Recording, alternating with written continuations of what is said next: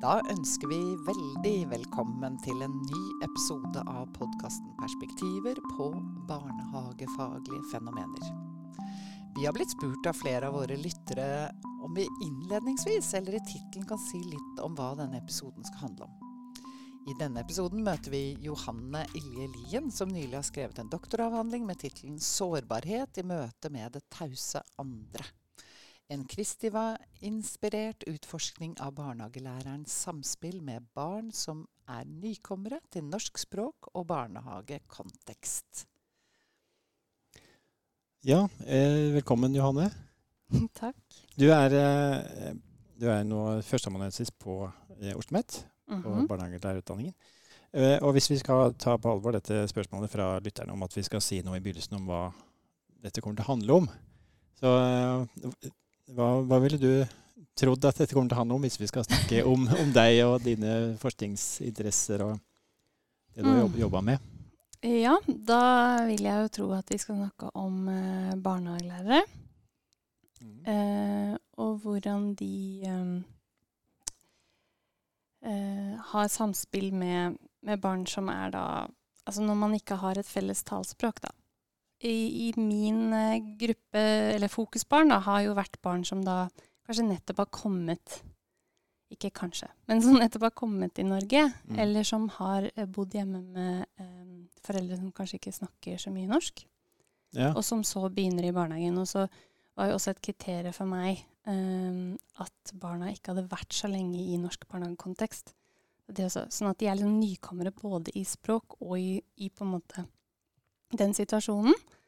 Um, uh, ja, så det er vel det vi skal dyppe litt inn i. Hva, hva oppstår i det møtet, og hvordan um, Min tanke når jeg begynte å, å undersøke det, her, var jo å se på barnehagelæreren som tilrettelegger.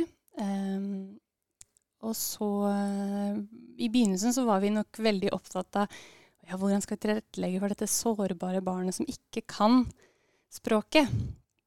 Uh, men så ble vi jo liksom, jo mer vi gikk inn i det, så ble vi jo klar over at det, her overfører vi vår sårbarhet knytta til at vi ikke kjenner det språket, og så tenker vi at det er barnet som har en mangel.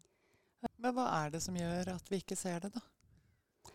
Ja, det, det, det syns jeg var litt sånn interessant, fordi vi hadde nok en veldig sånn eh, Vi ble klar over at vi hadde en veldig sånn norskspråklig forventning.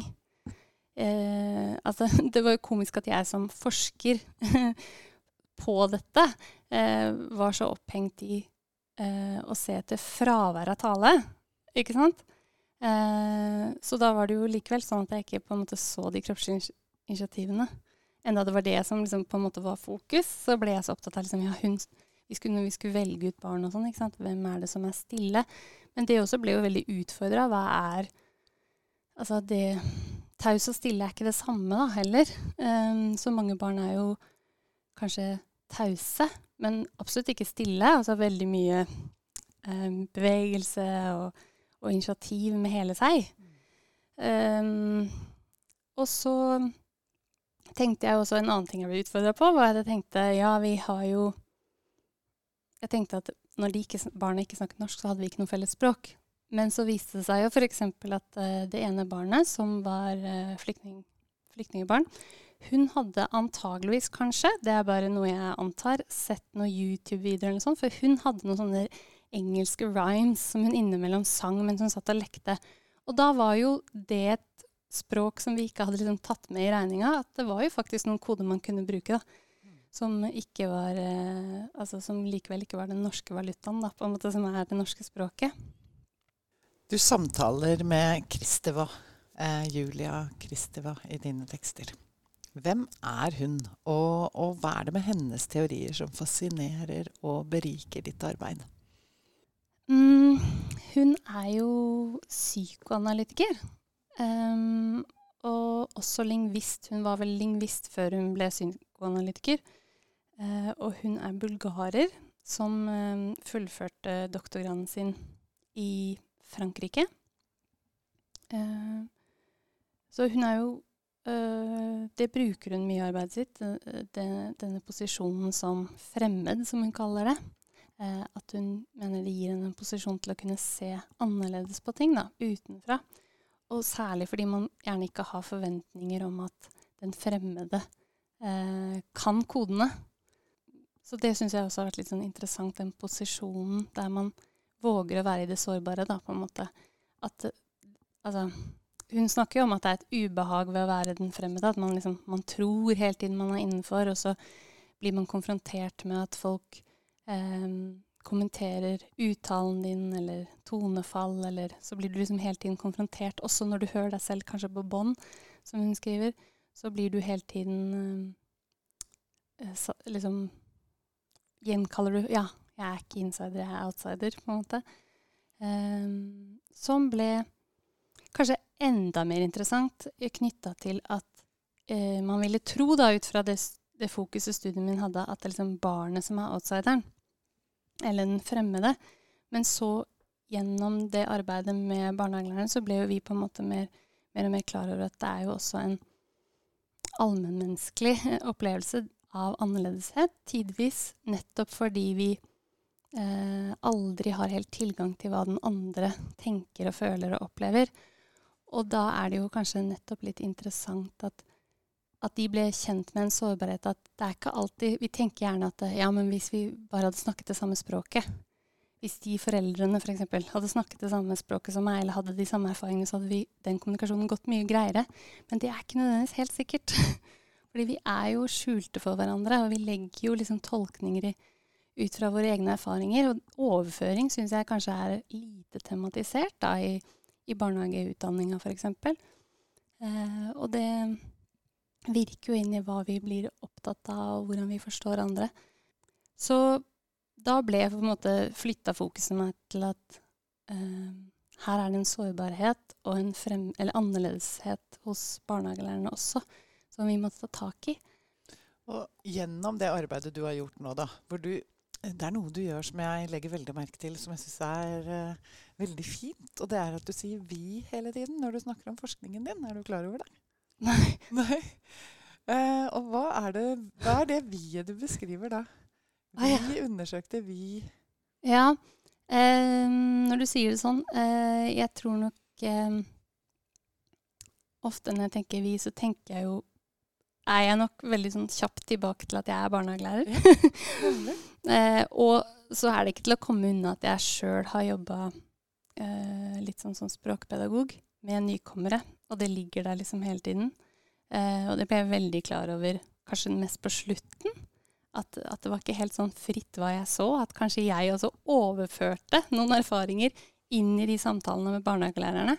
Og at det kanskje var min sårbarhet som ble drivkraften og som jeg identifiserte som at de opplevde det som vanskelig. Da. Og det ble veldig sånn, viktig ryddearbeid i forskningen min. Liksom, hva er mitt, og hva er deres? Mm.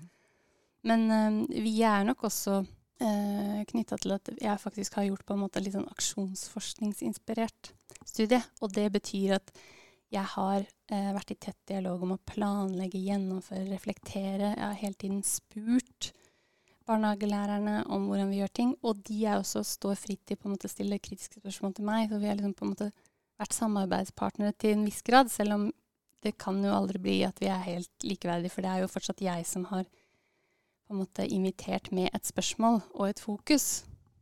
Du, eh, vi skal litt eh, tilbake til Kristeva. Fordi at eh, i din avhandling så er det symbolske og det semiotiske eh, sentrale begreper.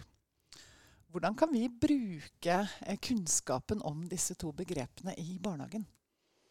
Ja, Da må jeg kanskje forklare hva det symbolske og semiotiske er. Og det blir jo liksom Da må alle, alle som er eksperter på Kristeva, som hører på denne, eh, ha medlidenhet med meg når jeg nå må prøve å gjøre det veldig sånn Eller gjøre det litt mer forenkla, da.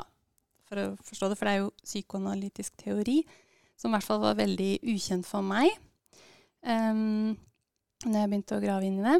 Um, så man kan si at um, det symbolske handler om språk som struktur og symbolsystem i språket.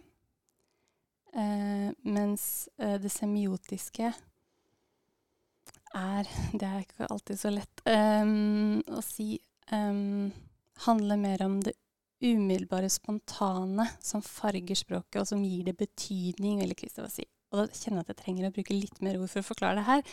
Um, fordi ofte i språkforskning så, så, skiller man jo Eller ikke språkforskning, men språkteori, så har man snakket om Nå kan ikke jeg fransk, men uh, lang eh, Kanskje ikke jeg skal våge meg inn i fransken, men, uh, men i hvert fall uh, språket i bruk. Mm. Og språket som på en måte system.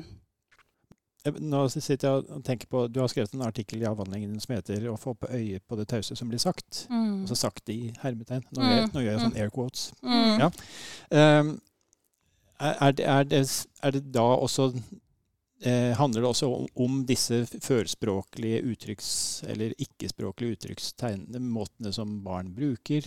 Nei, jeg, For å liksom fullføre det jeg begynte på, på en måte, før jeg begynte å rote meg inn i å forklare eh, ting, så handler jo på en måte da Eller det jeg syns var veldig fascinerende med Kristians teori, var at på en måte språkbegrepet for meg ble veldig mye, mye større, da.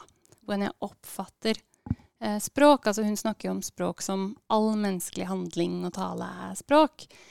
Og, og, det er ikke sånn at ikke folk eller språkforskere eller teoretikere ville være uenig i det at språk er så mye mer enn det talte. Men jeg syns det interessante Kristeva bringer inn, er jo at hun er opptatt av eh, Som mange poststrukturalister eh, er opptatt av, at det er Språket har noen begrensninger da, til, å, til å kunne formidle eh, en erfaring, eller, eller, at det er liksom no, Det er områder i, i, menneskets syke som kan på en måte ikke eh, formuleres. Og det knytter jeg jo igjen til det her med den annerledesheten. Da, at man opplever seg um, da fremmed for hverandre. Fordi det er alltid noe som vil være skjult, som vi ikke får formidla. Og, um, og da syns jeg det var spennende når jeg liksom begynte å prøve å analysere det jeg så. Så i det lagde jeg meg to sånne betegnelser som jeg kalte det eh, estetiske og kroppslige tegn. da. Og for å liksom prøve å sette det i sammenheng med Altså, estetiske tegn kan jo alltid være kroppslige tegn. Eh, men sånn som jeg leser på en måte Kristevas symbol, symbolske og det semiotiske dimensjonen i språket, for begge deler er til stede hele tiden, så er, kan man kanskje si at det symbolske på en måte handler om og, uh, språket sånn som vi har lært det.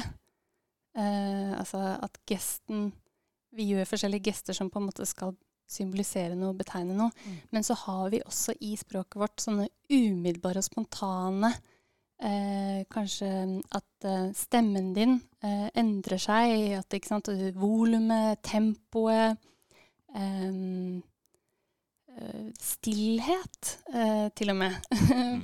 er en del av det som farger språket, og som da er det semiotiske, sånn som jeg forstår henne. Hun sier, at, sier noe veldig sånn, liksom poetisk at det er på en måte det unike signatur. Altså det er en sånn eh, indirekte referanse til denne her erfaringen som ikke kan eh, rommes i språket. Og da mener hun på en måte Jeg leser nok Christer litt sånn med det i bakgrunnen at jeg har, har eh, vært opptatt av miljøponti før. Sånn at jeg har jo vært opptatt av dette kroppslige før. Um, og, og, da forstår jeg det litt som at når jeg da hører deg snakke til meg, så klangfargen i stemmen din, rytmen, stillheten og sånn, er med på en måte å gi betydning til de der tomme tegnene, da, måte, som, som, farger den fornemmelsen. Så jeg er veldig sånn inspirert av Kristeva. og det jeg mener kanskje som er nyttig for barnehagen, er på en måte det der å koble seg på denne lysten og fornemmelsen, det sanselige i språket, og som henger litt sammen med denne estetiske dimensjonen i språket, som jeg syns kanskje har vært litt underkommunisert i utdanninga. Sånn at uh, mange studenter går liksom ut og tenker liksom at de er opptatt av språkstimulering, uh, og at de kanskje ikke ser da det som verdifullt å sitte og lese. At den derre følelsen man overfører når man leser med spenning og tristhet i stemmen og disse tingene. Um, at det liksom, man er mer opptatt av liksom vokabular og antall ord og liksom riktig uttale. Språkkoffert. Ja, altså, og som man kan med Christopher på en måte forstå liksom strukturene i språket. da, Mens jeg da liksom, har lyst til å liksom skape litt sånn vending mot, mot, denne lysten og engasjementet som farger språket. At vi liksom Um, at uh, Og derfor kanskje er jeg litt sånn opptatt av at vi tar tak i de tingene som oppstår, og utvider de. Og at da i min forskning så jeg måte, har jeg jo også klassifisert måte samtale med air codes. eh, også når man sitter og jobber, eller barn sitter og har rytmesamtaler, som jeg kaller det. At man sitter og klirrer med ting, eller man sitter og nynner, og så tar man opp igjen hverandres melodi, eller man imiterer bevegelser. Altså at jeg utvider litt det samtalebegrepet, da. Fordi det jeg så i materialet mitt, var jo nettopp at eh, ofte så var, uh, var, samtalene sånn at eh, personalet eh, De tenker nok selv at de har utforskende spørsmål. Altså de sier sånn eh, Ville du gjerne gjøre det? ja, vet, liksom, ville du gjerne ha saft? Og så stopper samtalen med at barnet nikker eller, eller avkrefter eller bekrefter. Og det blir liksom ikke noe utvekslende samtale. Så kanskje den sentrale for meg har vært hvordan kan man skape utvekslende samtaler, da? Som er anerkjennende, og som gir den andre lik rett til å dele tanker og erfaringer. Når vi tenker at, at uh, en slik deltakelse innebærer at man må ha samme talespråk. Det er liksom det som har vært liksom prosjektet mitt. Liksom, hvordan, hvordan, gjør man det da? Mm. For det skaper en veldig sårbarhet og usikkerhet hos barnehagelærerne. da. Hvordan møter vi, og hvordan går vi inn i samtale når vi ikke kan bruke de kodene vi kan. Mm. Jeg har lyst til å følge opp på det, da, fordi at du viser jo til mange det jeg vil kalle estetiske utforskninger, eller prosesser, estetiske prosesser i, i arbeidet ditt. Hvorfor tenker du at eh, det å jobbe med estetikk eh, blir så viktig eh, bare, altså, i barnehagen, men også hvorfor har det blitt så viktig i dine tekster? Mm. Ja, det er to forskjellige spørsmål i én ja, pakke. Eller? Det er det. Jeg serverte ja, um, uh, ja, hvor skal jeg begynne da? Først og fremst sånn, liksom sånn jeg trodde at det handla om. det er liksom tre ting man kan svare her. Fordi um, en ting jeg ofte sier når jeg presenterer forskningen min, er jo at når jeg jobba med barn som, som var nye i, i norsk språk, da, så uh, jobba, prøvde jeg jo å liksom finne på spennende måter å jobbe med det å utvide vokabularet og bli kjent med språket. Liksom lesing og dramatisering og sånne ting.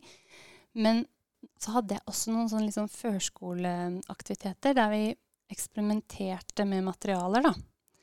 Og jeg syns det var så interessant hvordan de, de gangene vi gjorde det, så var det liksom så mye lyd og bevegelse i det rommet.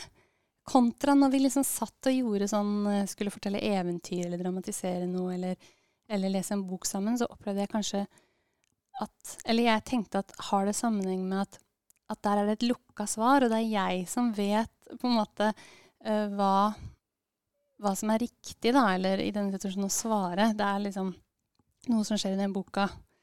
Og det er um, Selv om man liksom åper for barns undring og sånn, liksom, så, så er det liksom litt mer sånn lukka situasjoner. Mens, mens når vi jobba med det estetiske, da, Uh, og jeg opplevde den kommunikasjonen så altså bare liksom var så mye lyd, og det var ikke nødvendigvis samme språk engang. Mange, mange av barna hadde ikke samme De var sånn øh, altså Jeg vil innbille meg da at det de kanskje sa, var sånn Oi, se! Oi, nei! Oh, wow!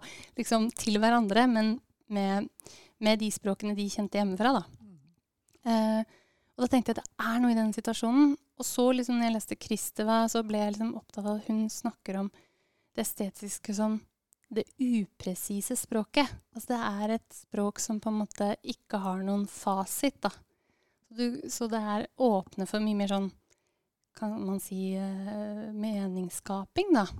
Og det var jeg litt opptatt av. Samtidig som det også gjør jo det mer sårbart, for da må man tåle å være i en situasjon der man ikke nødvendigvis vet hva, hva, det ender i, da, eller hva det blir.